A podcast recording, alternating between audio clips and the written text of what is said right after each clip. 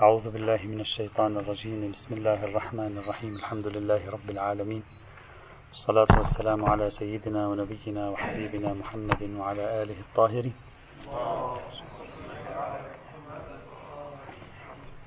قلنا البحث في الفصل الرابع المخصص للسوائل والمائعات يقع في ثلاثة محاور أساسية. المحور الأول في الدم والمحور الثاني في رطوبات الإنسان والحيوان وفضلاتهما. والمحور الثالث في الخمر والمسكرات وما يلحق بهما. في المحور الأول وهو الدم قلنا البحث يقع في يعني ثلاث نقاط. النقطة الأولى الدم المسفوح. والنقطة الثانية الدم غير المسفوح. والآن سنتكلم عن النقطة الثالثة والأخيرة. النقطة الثالثة والأخيرة حكم الدم في آنية الطبخ على النار. حكم الدم في آنية الطبخ على النار. طبعا هذا فرع مهم وردت فيه بعض الروايات. لو عندنا قدر قدر من الطبخ خاصة هذه القدور الكبيرة وجئنا بمقدار من الدم. ليس نقطة مقدار من الدم. ثم صببناه في القدر. أو وقع في القدر. والقدر يغلي على النار. هل لي بعد أن تنتهي تجهيزات الطبخ أن آكل أو لا؟ كثير من الفقهاء بل هو المنسوب لعامة المتأخرين من الفقهاء بل نسب للمشهور قالوا ما في القدر حرام حتى لو غلى بالنار. لا يجوز أكل هذا الطعام جملة وتفصيلا. جماعة من المتقدمين جماعة من المتقدمين كما يظهر من الشيخ المفيد وتشير إليه عبارات الشيخ الطوسي وسلار الديلمي وابن سعيد الحلي في الجامع للشرائع وابن البراج الطرابلسي في كتاب المهذب. يظهر منهم أنهم قالوا إذا غلا ونظرنا لم نجد عين النجاسة يعني لم نجد عين الدم لا يوجد دم خلاص غلا وطبخ فيجوز الأكل. هكذا. بعضهم قال يجوز الأكل لكن شرط يكون الدم قليل مش تخلي لي رطل من الدم في داخل القدر ثم تقول لي يجوز الأكل. لا يعني مقدار قليل هذا المقدار مثلا. مقدار قليل لكن مسفوحة غير مسفوح لا مسفوح نتكلم. هذه المسألة حظيت ب يعني مناقشة وأخذ ورد وعادة الكلام كان في حلية أكله وعدم حلية أكله. أما هل هو نجس أو ليس بنجس؟ المعروف بينهم أنه نجس. نعم رأيت أن الشيخ المنتظري يحتاط وجوبا حتى في النجاسة. يعني حتى النجاسة يبدو عليه أنه لا يقبل بأن هذا الطعام نجس بعد أن غلى. وفيه الدم. وفيه الدم. لا يقبل ذلك. يعني المعروف بين الفقهاء الآن نجس هذا. وفضلا عن نجاسته هو حرام. الذين تكلموا عن أنه يجوز أكله يجب أن نتأمل هل يرون النجاسة لا يرون النجاسة. هذا بحث آخر. ما السبب في هذا الخلاف؟ يعني لماذا اختلفوا في هذه القضية؟ السبب في ذلك وجود روايات متعددة بعضها صحيح السند يتكلم عن هذا الموضوع وعمدتها ثلاث روايات. الرواية الأولى صحيحة سعيد الأعرج. هو أعرج ولكن روايته صحيحة. هو سعيد الأعرج ولكن روايته صحيحة. شين بلال سين عند الله. أو سين بلال شين عند الله. فهذا قال سألت أبا عبد الله عليه السلام عن قدر هذا القدر فيه جزور الجمل الجمل. وقع فيه مقدار أوقية الأوقية تختلف تقديرات الأوقية أقلها تقريبا يعني فيما هو يبدو هنا 100 جرام فصاعدا. يعني حد أقل 100 جرام من الدم سقط في هذه أو في هذا القدر. عن قدر فيها جزور وقع فيها مقدار أوقية أو أوقية بتعبير أدق أوقية من دم. أيؤكل؟ السائل لا يسأل عن النجاسة والطهارة التفت. السائل يسأل عن الأكل. فقال عليه السلام نعم. الآن الإمام يعلل. يقول نعم لأن النار تأكل كل الدم. لأن النار تأكل كل الدم. يعني النار تذهب بمفعول الدم. مفعول الدم ينتهي بالنار. الرواية واضح أنها تجيز أكل الطعام رغم وقوع هذا المقدار المعتد به من الدم في داخل القدر والمفترض على القواعد أن لا يقبلوا بذلك. مع ذلك الرواية على عكس قواعدهم تتكلم. لذلك سنرى كيف أنهم حاولوا أن يعني يخوضوا يعني معركة لأجل آه، الخروج بموقف في مقابل مثل هذه الرواية. الرواية الثانية خبر علي بن جعفر. قال سألته عن قدر فيها ألف رطل ماء ألف رطل ماء. فطبخ فيها لحم قدر كبير. طبخ فيها لحم وقع فيها أوقية دم. هل يصلح أكله؟ قال إذا طبخ فكل. فلا بأس. طبعا هنا لا يوجد كلمة نار. سألته عن قدر فيها ألف رطل. طبخ. عادة الطبخ على النار. نفترضها موجودة. هذه الرواية من حيث الإسناد. الرواية واردة في كتاب مسائل علي بن جعفر ورواها أيضا الشيخ الحر العاملي نقلا عن مسائل علي بن جعفر. هناك كثير من الفقهاء إما بناء على تصحيح طرق المتأخرين أو غير ذلك يبنون على صحة هذه الرواية. فهذه الرواية عند كثيرين أيضا محسوبة على أنها صحيحة. الرواية الثالثة. خبر زكريا بن آدم. قال سألت أبا الحسن عليه السلام عن قطرة خمر قطرة هذه المرة قطرة قطرة خمر أو نبيذ مسكر. قطرت في قدر فيها لحم كثير ومرق كثير. المرق الذي هو السائل الذي يكون مع الطبخ. فقال عليه السلام يهراق المرق. هذا المرق أهرقه. أو يطعمه لأهل الذمة. أهل الذمة ما عندهم مشكلة فيه يعني غير المسلمين. أطعمه أهل الذمة. أو يطعمه لأهل الذمة أو الكلاب. طعم للحيوانات. طيب اللحم المرق عرفنا؟ اللحم ماذا نفعل؟ قال واللحم فاغسله وكله. المرق احذفه اللحم اغسله. ألف صحة ما في مشكلة. حتى هذه الرواية ليست في الدم الآن يقول فقلت شوف في الخمر قطرة يتكلم فقلت فإن قطر فيها الدم الآن قطرة من دم. فقال الدم تأكله النار إن شاء الله. إلى آخر الروايات شوف لاحظ الروايات الثلاثة متعاضدة في أن النار تأكل الدم لكن في موضوع الخمر يبدو التشدد في القضية. فظهر تفصيل بين الخمر والنبيذ المسكر وبين الدم طبعا هذه الرواية من حيث الدلالة واضحة خاصة في التمييز بين الخمر وغيره والدم. لكن المشكلة في سندها سندها فيه الحسن بن المبارك والظاهر أنه الحسين بن المبارك أو الحسين بن مبارك ولم تثبت وثاقته. هذه هي الروايات الأساسية في موضوع الباب. وتوجد روايتان غير هذه الروايات ليست في موضوع الدم لكنها تعطي فكرة قريبة لا بأس بقراءتهما حتى يصبح لدينا تصور عن الموضوع. وهما الرواية الأولى خبر أحمد بن محمد بن عبد الله بن الزبير. أحمد بن محمد بن عبد الله بن الزبير عن جده. جده من؟ عبد الله بن الزبير. قال سألت أبا عبد الله عليه السلام عن البئر تقع فيها الفأرة أو غيرها من الدواب. فتموت. تموت الفأرة في في هذا البئر. فيعجن من مائها. يعني إحنا إحنا نخرج ماء من البئر الذي تموت فيه الفأرة. نخرج ماء من البئر. وهذا الماء نضعه في العجين. نعجن العجين ونضعه في المخبز في الفرن. يخرج الخبز. فيعجن من مائها يعني من ماء البئر. أيؤكل ذلك الخبز؟ فينا نأكل هذا الخبز؟ فقال إذا أصابه النار فلا بأس بأكله. تعطي نفس الفكرة. صحيح هنا لا يوجد دم لكن في نفس الفضاء.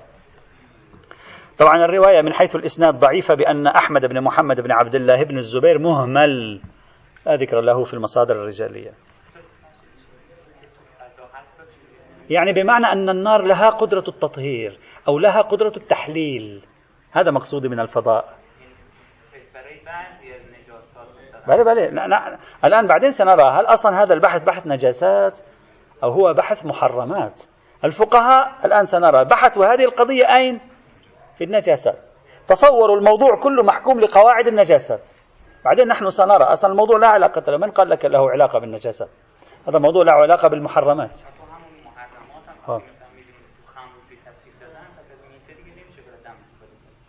لا لا لا لا لا. أنا لا أقول نستدل بهذه في الدم. أقول توجد روايات أخرى تعطي أن النار أيضا تؤثر. لا, لا فقط من باب الاطلاع. لا أريد أن أستفيد منها شيئا. الرواية الثانية مرسل بن أبي عمير عمن رواه عن أبي عبد الله عليه السلام في عجين عجن وخبز. ثم علم أن الماء كانت فيه ميتة. قال لا بأس. أكلت النار ما فيه؟ النار خلاص تأكل ما فيه واضح التعليل هنا أن النار تأكل. يعني كأنما النار لها قدرة الأكل وكأنما تذيب مفعول بعض هذه الأشياء النجسة أو المحرمة وبالتالي آه، نفهم القضية في بابنا. هذه هي أهم الروايات الموجودة في هذا الموضوع وهي تلتقي عند فكرة أن النار الطبخ الذي هو يقوم عادة على النار كأنما لها دور في جعل الطعام الذي يفترض أن يكون محرما يصبح محللا. هكذا معنى هذه الروايات. وهذه ليست سهلة. بعض الفقهاء عمم بعض الفقهاء استفاد من التعليل في هذه الروايات قال ليس فقط هذا منحصر على على الميتة والدم. كل النجاسات لو وقعت في شيء وطبخ هذا الشيء وجعل على النار هم أيضا يجوز أكله. بعض الفقهاء عمم في مثل هذه القضية كما يظهر من كتاب التنقيح الرائع. يظهر أنه عم وإن كان ناقشوه قالوا له تعميمك ليس صحيحا. خاصة أن رواية زكريا بن آدم فصلت بين الدم وبين الخمر والنبيذ. فلا ينبغي بسرعة أن نستعجل في التعميم. طيب هذه الروايات. الفقهاء رحمهم الله تعالى بحثوا هذه القضية في باب الطهارات والنجاسات وأهملوها في باب الأطعمة والأشربة مع أن السؤال عن ماذا؟ عن الأكل. يعني هي الروايات هذه نظرها أولا وبالذات الأكل. ما قال له نجاسة وطهرته أصلا كلمة طهارة نجاسة قذارة وغير ذلك أصلا لا وجود لها في الرواية. الكلام كله عن الأكل. مع ذلك الفقهاء أين بحثوها؟ في النجاسات والطهارات. ولم يبحثوها عادة في كتاب الأطعمة والأشربة. وهذا معناه أن الفقهاء أي نظارات وضعوا على عيونهم نظروا وضعوا نظارة النجاسات. يعني قرأوا الموضوع على أن نجاسة وقعت ولو بعض النجاسات لكن عنوان النجاسة رأوا أن له دور هنا في هذه القضية. فسترى أنت كيف أن الموضوع كله سيدرسونه على أنه مرتبط ببحث النجاسات وخاضع لقواعد بحث النجاسات. أما لو قلنا كما بنينا سابقا على أن عنوان النجاسات لا علاقة له بالأكل والشرب ثم نظرنا هنا فرأينا أن الأمثلة هي أمثلة المسكر وهو حرام وأمثلة الدم وهو حرام وأمثلة النبيذ نبيذ المسكر والخمر وأمثلة الميتة وهي حرام. سنرى أن الموضوع مربوط بطعام محرم وقع في طعام محلل. هل النار تحلله أو لا؟ أصلا سنخرج عن كل البحث الذي هو مرتبط بالنجاسات. لكن الآن سنسير على ما ساروا عليه لنرى ما الذي اتخذوه من موقف في هذه الرواية. هذه الروايات ما أعجبت الفقهاء المتأخرين. بذلوا جهدا لكي يخرج يعني بأي شكل لازم نضعها جانبا. يابا روايات هذه بعضها صحيح الإسناد. أصلا على بعض المباني ثلاثتها صحيحة الإسناد عندهم. أصلا حتى على المباني التي تكاد تكون مشهورة ثلاثتها صحيحة الإسناد. لماذا تضعونها جانبا؟ قالوا عندنا مبررات في هذا الموضوع. فسجلوا عدة ملاحظات في المقام. أهمها ما يلي. أو أكثر شيء المتأخرين. نعم نعم نعم. الملاحظة الأولى. ما ذكره السيد الطبطبائي صاحب الرياض رحمه الله.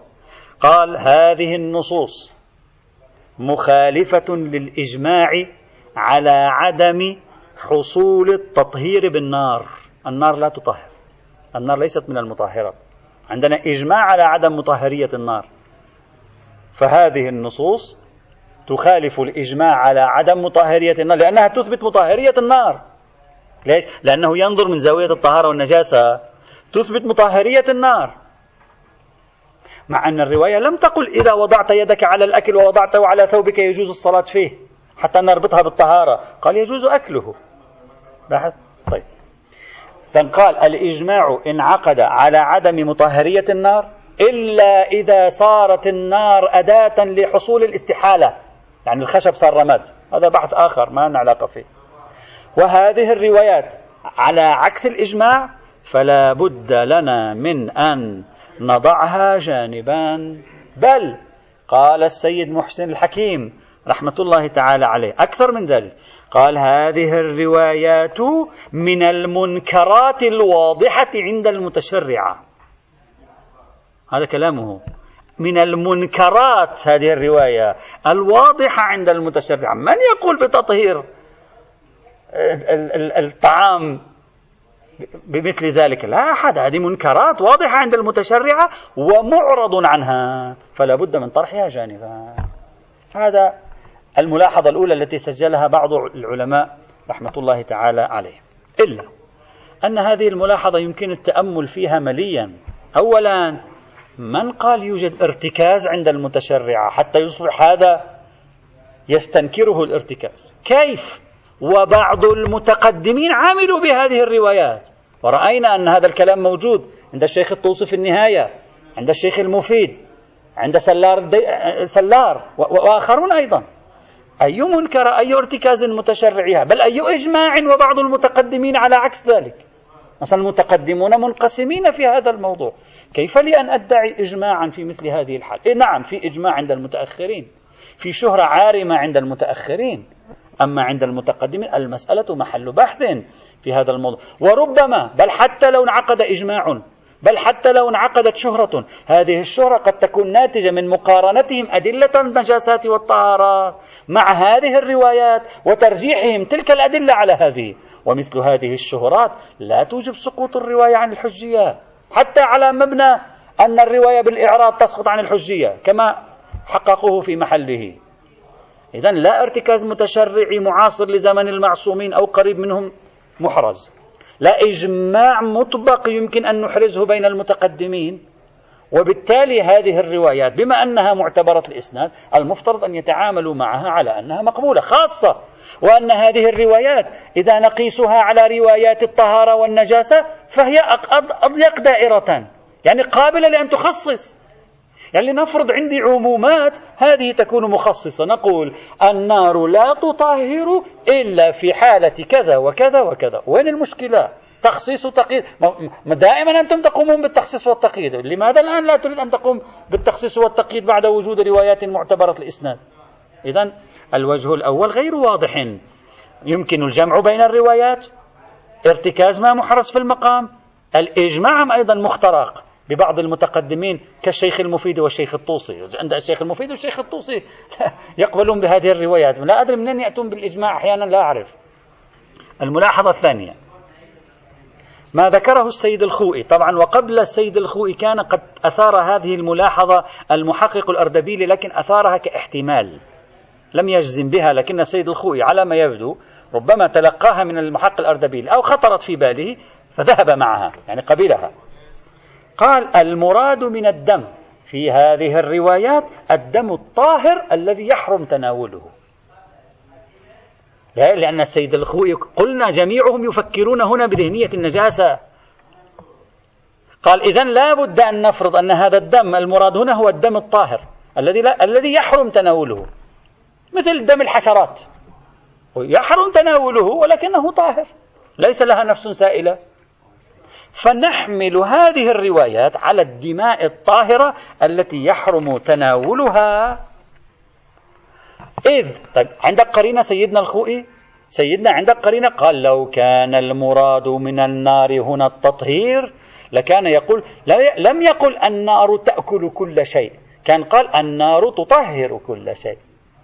النار تأكل الدم؟ لا النار تطهر الدم. لم يستخدم الإمام في الرواية تعبير يطهر وينظف وأمثال ذلك وإنما استخدم تعبير الأكل. وهذا يدل على أن النظر ليس النظر إلى الطهارة والنجاسة. فلا بد من فرض الدم طاهرا وإلا يصبح النظر إلى الطهارة والنجاسة في المقام. ومع هذا لا أقل من أن الرواية مجملة. هكذا كان يقول السيد خوئي وآخرون أيضا. والسيد باقر الصدر ماذا قال؟ أكثر من ذلك. قال المرتكز في الأذهان أو المرتكز في الأذهان أن محذور النجاسة لا يزول بانعدام النجس بعد الملاقاة يعني أنا إذا كان عندي نجاسة وقع أنا لما أضع دم في القدر عندي نجاسة. المرتكز في الأذهان أن الشيء لا يطهر بزوال عين النجاسة. هذا مرتكز لا بد من شيء إضافي. ولذلك أنت تقول في الغسلة الأولى أنت مثلا تزيل عين النجاسة ثم تغسل غسلة ثانية صحيح؟ أو غسلة ثالثة أو غسلة رابعة مثلا. لأن المرتكز في أذهاننا والأذهان الفقهية والمتشرعية أن الشيء لا يطهر بزوال عين النجاسة. والمفروض هنا أن هذا طهر بزوال عين النجاسة. فلما لم يكن هذا مقبولا عند الارتكاز قلنا أن هنا لا يوجد تطهير. فلا بد من فرض أن الدم في الأصل طاهر. لا أن الدم نجس والآن يراد به النار تطهيره. لاحظ كيف أنهم تورطوا عندما افترضوا أن الروايات مرتبطة بموضوع الطهارة والنجاسة بعد افتراض أن النجاسات لا يجوز أكلها والمتنجسات لا يجوز أكلها. أوصلتهم إلى هذه يعني المخمصة إذا صح التعبير. فأرادوا أن يحلوا المشكلة. حقيقة هذه مشكلة كيف يحلوها؟ الآن الآن سنعلق. هذه الملاحظة التي ذكروها يمكن التعليق عليها. وهي ليس في هذه الروايات أي إشارة إلى طهارة هذا الدم. لا من قريب ولا من بعيد بل أكثر.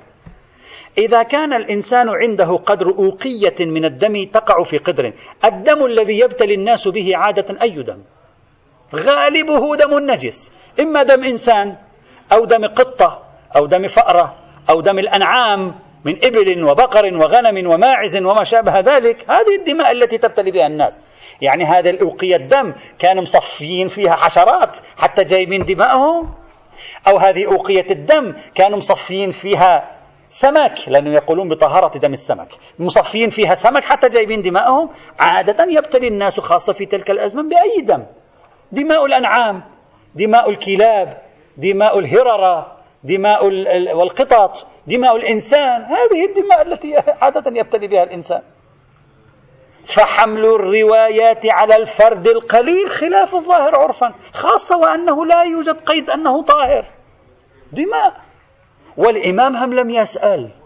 لو كان أغلب الدماء المحيطة بنا التي نبتلي بها دماء طاهرة لا بأس. لكن إن لم نقل إن أغلب الدماء المحيطة بنا دماء نجسة أو فلا أقل أن نصف الدماء التي نبتلي بها نجسة. الإمام لماذا لم يسألهم؟ في الموارد الثلاثة. في الروايات الثلاثة لم يسألوا الإمام. دم ماذا هذا؟ حتى يقول له إذا دم كذا. وهذا كله يشهد على أن المقصود من الرواية ليس خصوص الدم الطاهر. أصلا ليس منظور موضوع الطهارة والنجاسة أعم من الدم الطاهر ومن الدم النجس في مثل هذه الحال. أما ما قاله السيد الشهيد الصدر رضوان الله تعالى عليه من أنه يوجد ارتكاز في عصر النص أن النجاسة لا تزول بمجرد التلاشي فهذا الكلام أن النجاسة لا تزول بمجرد التلاشي كالنار والغليان وما شابه ذلك. هذا الكلام إنما يصح في موضوع بحثنا. لو لم يكن هناك شيء التفتوا جيدا شيء في الفقه السني. إذا إذا أصريتم على أن هذه الروايات مربوطة بالطهارة والنجاسة فيمكننا تفسير هذه الروايات في دائرة الدم النجس. كيف؟ الفقه السني منقسم. بعض فقهاء السنة وعندهم رأي معروف يقول بأن النار من المطهرات مثل الشمس من المطهرات مثل الأرض من المطهرات مثل الماء من المطهرات. هم سيقولون النار من المطهرات أحد أنواع المطهرات النار. والذي يعرف أن الأحناف اللي أبو حنيفة معاصر لزمن الإمام الصادق مالوا إلى القول بأن النار تؤثر في التطهير. طيب إذا هذا ما معناه؟ هذا معناه أنه من الممكن أن الشيعة الموالين لأهل البيت طرحت هذه القضية في الوسط الإسلامي العام في زمانهم هرعوا إلى أئمتهم يسألونهم في مثل هذه الحال يطهر أو لا يطهر؟ فالإمام قال له كله يعني يطهر. فأنت تقول مرتكز في أذهانهم أن الشيء لا يطهر بالتلاشي؟ نعم صحيح سلمنا سلمنا وإن كان سنعلق بعد قليل. سلمنا. لكن هذا الارتكاز لا يكفي هنا لوجود خصوصية في المقام وهي خصوصية مطهرية النار عند أهل السنة فيتصور أن السائلين جاءوا بذلك الفضاء ليعرفوا رأي أهل البيت في الموضوع. أهل البيت قالوا نعم النار تطهر. لا أقل تطهر من الدم في الطبخ. لا أقل تطهر من الدم حسب ما يدل الدليل. وأي مانع من ذلك حينئذ؟ ويكون الأمر مفهوما من الناحية التاريخية أيضا. دون أن يعارض ذلك الارتكاز الذي قالوه. بل بل.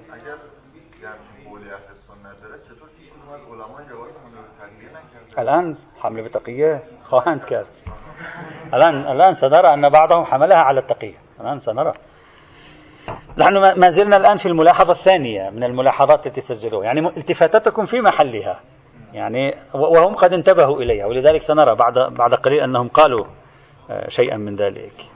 طيب. هذه الملاحظة الثانية وسيأتي شيء يتصل بها أيضا. الملاحظة الثالثة. إذا الملاحظة الأولى غير واضحة بنظر القاصر. الملاحظة الثانية غير واضحة. الملاحظة الثالثة ما ذهب إليه بعض العلماء مثل الشيخ الحر العاملي ومثل الآملي محمد تقي الآملي في كتاب مصباح الهدى. قالوا هذه الروايات تخالف المرتكز والقواعد. وعمومات النصوص. فلا بد أن نحملها على التقية لأنها توافق بعض آراء أهل السنة في مطهرية النار. ويؤيد ذلك هذا كلامهم ويؤيد ذلك التعليل الوارد في الرواية الذي ينبغي أن نحمله على الإقناع. هكذا قالوا. أنه الآن فإن النار تأكل كل شيء فكأنما يريد أن يبين أننا نوافقكم. النار تأكل كل شيء. نعم نوافق أهل السنة في أن النار تأكل كل شيء يعني تطهر كل شيء. هكذا. فإذا هذه الروايات لابد أن نحملها على التقية وبالتالي آه، تبقى القواعد على ما هي عليه. هذا الكلام غير واضح. أولا متى نحمل الرواية على التقية؟ كما درسنا جميعا وكما قرر العلماء هذه المسألة. نحملها عند استقرار التعارض. عندما يستقر التعارض بين الأدلة نحمل الروايات على التقية. هذا أحد وجوه الحمل لأن موضوع التقية من المرجحات. والمرجحات لا يصل الدور إليها إلا بعد استقرار التعارض. يعني ما ممكن نجمع بين الروايات بجمع عرفي. أما هنا باعتراف نفس المستشكل. سبحان الله. يقول لا تنسجم مع العمومات. إذا هذا معنى أن هذه الروايات أخص والعمومات أعم. وقياس الأخص إلى الأعام ماذا ينتج؟ ينتج تخصيص الخاص للعام.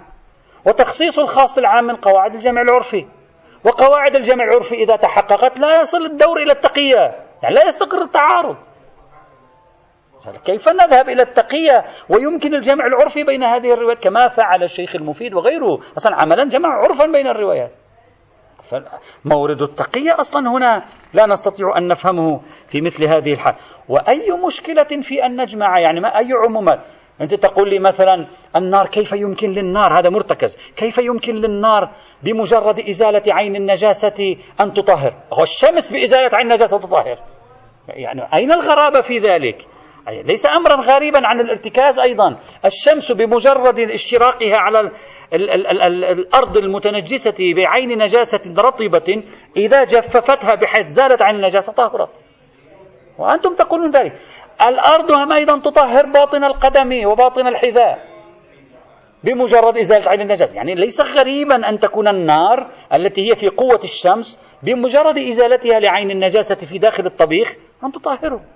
فأي شيء مخالف للارتكاز ليس شيئا مخالفا للارتكاز في المقام ويمكن الجمع جمعا عرفيا بينه وبين سائر الروايات الموجودة بالتخصيص. انتهى الأمر في مثل هذه الحال.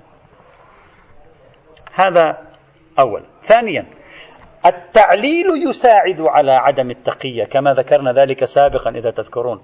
قلنا الإمام إذا كان في مقام التقية الإنسان الذي هو في مقام التقية يقتصر على مقدار الضرورة. تقية هو حال الضرورة. يقتصر على مقدار الضرورة. طيب سألك السائل مولانا نار وقع طبيخ أو قدر وقع فيها دم والنار تغلي تحتها ما الحكم؟ هل لي أن أكله؟ كان بإمكان الإمام أن يتقي ويقول كل. لكن الإمام يتقي ويقول كل ثم يعلل تقيته بتقية أخرى. قل ليس مضطرا أن يعطي قاعدة عامة. القاعدة العامة هم أيضا تقية. فيعلل فيقول فإن النار تأكل كل شيء. وجملة فإن النار تأكل كل شيء هم تقية والإنسان الذي يتقي هو في مقام الضرورة. في مقام الضرورة يقتصر في مقام إفادة خلاف الواقع على ما تفيده الضرورة. فإذا قال كل خلاص كافي سكت. حصل المطلب من التقية. فلماذا يضيف الإمام مطلبا جديدا؟ ليس له مبرر. تقول لي ممكن؟ أقول لك ممكن لكنه خلاف الحالة العادية المتعارفة. مما يجعل احتمالية التقية هنا مرجوحة في مثل هذا المجال.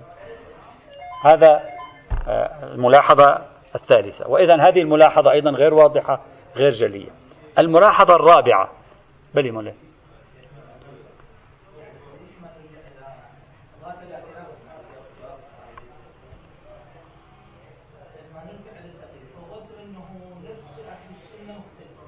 بل صحيح.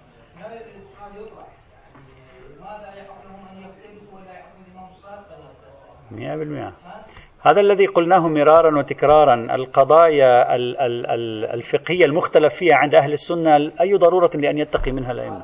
التقية متناقضة هنا. هم تتقي من هذا؟ تخالف هذا. تتقي هذا؟ تخالف هذا.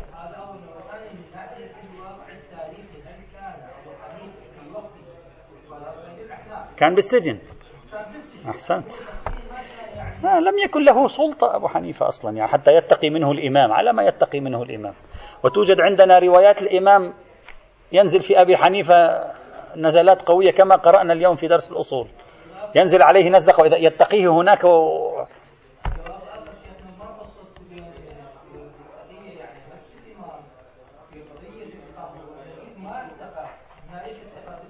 صحيح.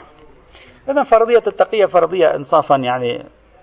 هذه فرضية التقية دأب الشيخ الطوسي علمنا إياها وأخذها منه الحر العاملي. ففي كل مورد تقع مشكلة يتم حمل الروايات على التقية دون مراجعة الكتب السنية. هذه واحدة من الأخطاء التي قد نقع بها جميعا. دون أن نراجع الكتب السنية خاصة في فضاء القرن الثاني الهجري مباشرة نقول تقية. في حين أن المعطيات التاريخية قد تعطي عكس ذلك أحيانا.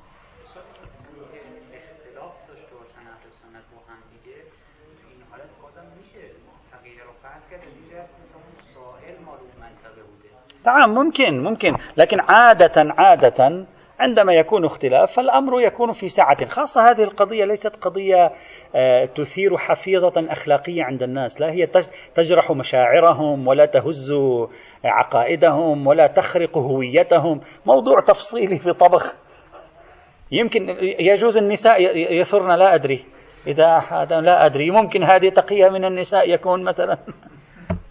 لأنه إذا قال لهم أنزلوه ارجعوا اطبخوا مرة ثانية سيقولون أوه من الأول لم نطبخ مرة ثانية. هم الرجال يدفعون فلوس زيادة هم النساء يرجع يطبخ مرة ثانية. يمكن هذه تكون وجه للتقية لم يلتفت إليه المتقدمون ولا المتأخرين ولا المتأخرون. الملاحظة الرابعة ما ذكره الميرزا هاشم الآملي رحمة الله تعالى عليه. قال هذه الرواية منافية لشم الفقاهة. قال هذه الرواية تنافي شم الفقاهة. ما هو شم الفقاهة؟ والحديث حديث عن الطبخ. يعني سياقه سياق شم أيضا. قال هذه الرواية تقول أنت إذا نزل الدم فإذا كنت تراه فهذا نجس. فإذا لم تعد تراه بعد أن غلى فهذا طاهر. وهذا خلاف شم الفقه شو؟ يعني الرؤية رؤية النجاسة هي معيار الطهارة والنجاسة. هذا وين هذا؟ ما موجود عندنا في الفقه. إذا غلت انتهينا من الغليان انتهت الطبخة نظرنا في, في القدر إن رأينا نجاسة لا يجوز. إن لم نرى نجاسة يعني يجوز. شو هذا المعيار؟ معيار رؤية النجاسة فحرام. عدم الرؤية فحلال. وهذا شيء مخالف للارتكاز الفقاهة. هذا أولا. ثانيا التمييز بين الخمر والدم هم لم نفهمه. تمييز بين الخمر والدم. إذا كانت النار تطهر قل لماذا في الخمر هم لم تطهر؟ ما هي من المطهرات؟ إذا كانت تطهر. لماذا في الخمر لم تطهر؟ بينما في الدم طهرت. هذا أيضا مناف لشم الفقهاء إذا ندعي أن الذوق الفقهي الشم الفقهي ما شئت فعبر. الارتكاز الفقهي يخالف هذه الروايات من جهتين. الجهة الأولى أنها تجعل النجاسة والطهارة مدار رؤية النجاسة والطهارة. وهذا غريب. الجهة الثانية أنها تجعل النجاسة والطهارة تفصيلا بين الخمر والدم وهذا أيضا غريب. فإذا نقول هذه الروايات تخالف شم الفقاهة فنكل علمها إلى أهلها ولا نأخذ بها. هذا حاصل ملاحظة الميرزا هاشم الآملي في كتاب المعالم المأثورة. هذه الملاحظة هم أيضا غير واضحة. أولا تمييز بين الطهارة والنجاسة برؤية النجاسة وعدم رؤيتها ليس أمر غريب عن الارتكاز الفقهي. ولا عن شم الفقاهة ولا عن ذوق الفقاهة. موجود هذا يعني لا أدري ماذا كان يقصد الميرزا الآملي عندما قال ذلك. وما موجود هذا ليس أمرا غريبا. مثلا مثلا في كثير من الموارد قالوا يطهر الشيء بزوال عين النجاسة. يعني ما معنى زوال عين؟ يعني عدم رؤية النجاسة. ثم هي الرؤية وعدم الرؤية تعبير عن وجود النجاسة وعدم وجود العين. مثلا أبدان الحيوانات كيف تطهر؟ حيوان تنجس. بقرة وضعنا عليها دم. كيف تطهر؟ لابد نجيب ماء؟ لا. تذهب البقرة ترجع من رعيها. إذا رأينا لا يوجد لم نرى النجاسة طهرت. هم كل الفقهاء يقولون هكذا. وهذا تمييز بين رؤية النجاسة وعدم رؤيته. فإن رأيت نجاسة على جسدها بعد مرجعها من الرعي فهي نجسة. وإن لم نرى فهي طاهرة. وأين الغرابة في ذلك؟ هذا موجود في الفقه. أيضا بواطن الإنسان الفم باطن الأذن إلى آخره كيف يطهر؟ كل الفقهاء يقولون بواطن الإنسان تطهر بزوال عين النجاسة يعني إن رأيتها نجس إما رأيتها طاهرة وهذا عادي. الشمس كيف تطهر؟ بمجرد أن, لم تع... أن لا تعود ترى النجاسة طهرة عندك سقف البيت عليه نجاسة نزلت نمت. في اليوم الثاني الساعة الثانية ظهرا صعدت إلى السقف لم ترى النجاسة طهرت. طبعا إذا كانت رطبة. باطن القدم أيضا هم نفس الشيء. أقول في الفقه عندنا نماذج متعددة من مثل هذا. فكيف نقول هذا مخالف لشم الفقهاء غير واضح. كونه مخالفا لشم الفقاهة في مثل هذا آه، المجال. بل. در مورد شما این مثال هایی که زدید همش در جایی بود که ما نمیدانیم اصل نجاست رو لا میدانیم. میدانیم. نحن نعرف أن هناك نجاسة على هذه البقرة. نحن رأيناها. بعد یعنی بعد از یعنی فردا که میان هنوز بودن و نبودن شک داریم. ولی ایشون میگه من علم دارم که ریختم ولی ندیدم. لا لا لا لا لا. دیدن موضوعیت. لا لا. لا ليس ليس الرؤية حال السقوط. خب نعم. هنا أيضا نفس الشيء أعلم بأصل تنجس البقرة لا الرواية لم تقل رأيته. تقول آه، آه، قدر كبير يطبخ فيه طعام وقع فيه مقدار أوقية من الدم. أين رأيته؟ يعني حتى لو يوجد رأيت يعني ثابت يعني ثبت لدي. أصلا الرؤية هنا طريقية ثبت لدي. رأيت دما يسقط في القدر. يعني نزل دم في القدر. ليس لها خصوصية الرؤية. السمع غير يعني. لا يوجد خصوصية أصلا في الرواية. أين يوجد كلمة الرؤية وغير رؤية؟ يعني ثبوت النجاسة وعدم ثبوتها. وهناك نفس الشيء. في الحيوانات أبدان الحيوانات في بواطن الإنسان في مطهرية الشمس في مطهرية الأرض باطن القدم هم نفس الشيء.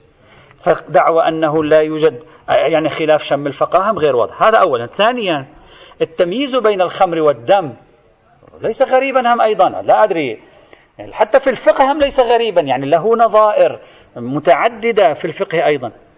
وذلك إذا هذه الروايات ربطناها بالأكل وقلنا أصلا لا علاقة لها بموضوع النجاسة والطهارة وأصلا لا يوجد حكم بحرمة تناول المتنجس بما هو متنجس أو النجس بما هو نجس فالأمر سهل. وإذا ربطناها بموضوع الطهارة والنجاسة نحن بمراجعة الروايات وفتاوى الفقهاء كم تختلف طرائق التطهير؟ إذا جاء كلب وضع يده على الإناء كيف نطهر؟ نغسل بالماء إزال عين النجاسة ونغسل مرة ومرتين خلاص انتهى. وضع لسانه سبع مرات تعفير. اختلفت. ما الفرق بين يعني لسانه ويده؟ هم نفس الشيء؟ هذه هناك تعقلتموها. قلتم بعض الموارد نغسل مرة بعضها مرتين بعضها ثلاث مرات بعضها تعفير بالتراب بعضها لا أدري كذا وكذا. كما اختلفت طرائق التطهير فليكن هنا مختلفة. نجاسة الخمر لا تطهر بالنار إلا بعد إضافة الغسل إلى اللحم كما جاء في الرواية. نجاسة الدم تطهر بالنار بلا حاجة إلى إضافة الغسل. وشو الإشكال في ذلك؟ أنا لا أدري. خاصة وأنكم تعتبرون أن هذه الأبواب برمتها أبواب تعبدية. فأي مانع من ذلك؟ وأين يخالف ذلك شمل الفقاهة؟ وعليه. توجد بعض الملاحظات الأخرى لا نريد أن نطيل. هذه عمدة الملاحظات وعليه لم يقم دليل واضح يجعلنا نرفع اليد عن هذه الروايات إذا ثبتت. إذا هذه الروايات ثابتة عند الفقيه وهي عندهم ثابتة وصحيحة الإسناد. ليس عندنا دليل على آه، رفع اليد عن مثل هذه الروايات في المقام. هذه الروايات كأنما تريد أن تنقح لي تقول لي إن الدم أكلته النار ذهب مفعوله. الآن لم يعد يوجد دم فدليل حرمة الدم لم يعد يشملك. تكون منسجمة. أي إشكال في ذلك؟ إن في باب الطهارة لا إشكال فيها. وإذا قلنا أن الرواية أصلا ليست ناظرة لباب الطهارة والنجاسة كما هو الأقوى بعد فرض بطلان كبرى حرمة أكل النجس والمتنجس بما هو نجس ومتنجس الأمر يصبح سهل جدا بالنسبة إلينا. أصلا الرواية ناظرة للأكل. هذه الطريقة توجب حلية الأكل هذه الطريقة لا توجب حلية الأكل. النار توجب ارتفاع الدم المحرم. تبخره خروج أثره بنص الروايات. غير النار لا يوجب ذلك. وشو الإشكال في ذلك؟ وهذا حكم شرعي تعبدي يمكن أن نلتزم به ويكون على وفق القاعدة ومخالفة مشهور المتأخرين في ذلك. ليس بموجب وهنا للروايات. هذا إذا شخص قبل بالروايات هذه ومثلا بنى على حجية خبر الواحد. أما إذا شخص قال حجية خبر الموثوق هنا مثلا خمس روايات إذا شكلت له وثوق بالصدور هم يستطيع أن يقوم يعمل على أساسها. ما شكلت له وثوق بالصدور يرجع إلى القاعدة. الأمر سهل يسير. لا أدري لماذا اضطروا بعد أن تكرس. شوف لاحظ الإجماع لما يتكرس. حتى الروايات الواضحة الجلية الصحيحة الإسناد هم يوجد كلام ومحاولة في يعني إرادة تفتيتها مع أنها واضحة جلية في هذا الإطار. والنتيجة؟ لا أصلا هي على مقتضى تكاد تكون على مقتضى القاعدة. إذا كان حص... يعني ثلاث لا ثلاث عادة ثلاث روايات نحن صححنا واحدة سندا. عادة ثلاث روايات آه، لا توجب وثوقا في الصدور في العادة يعني إلا أن تكون هناك قرائن إضافية فيها. لكن على مبانيهم ينبغي أن يلتزموا بهذه النتيجة سواء في باب الطهارات أو في باب الأطعمة والأشربة بلا أي ضير في ذلك. نتيجة في بحث الدم. الدم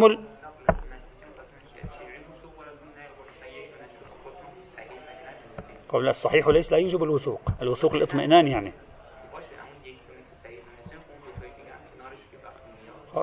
أمر الوثوق نسبي.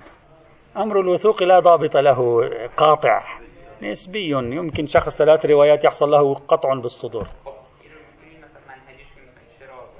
هل يمكنك أن تمنهج لي التواتر؟ حدد لي رقم في التواتر.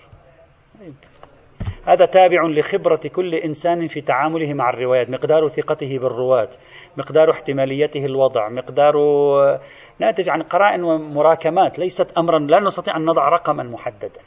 لا أكثر ولا أقل. أنه هذا الرقم وأكثر هذا الرقم وأقل. هذه صعبة.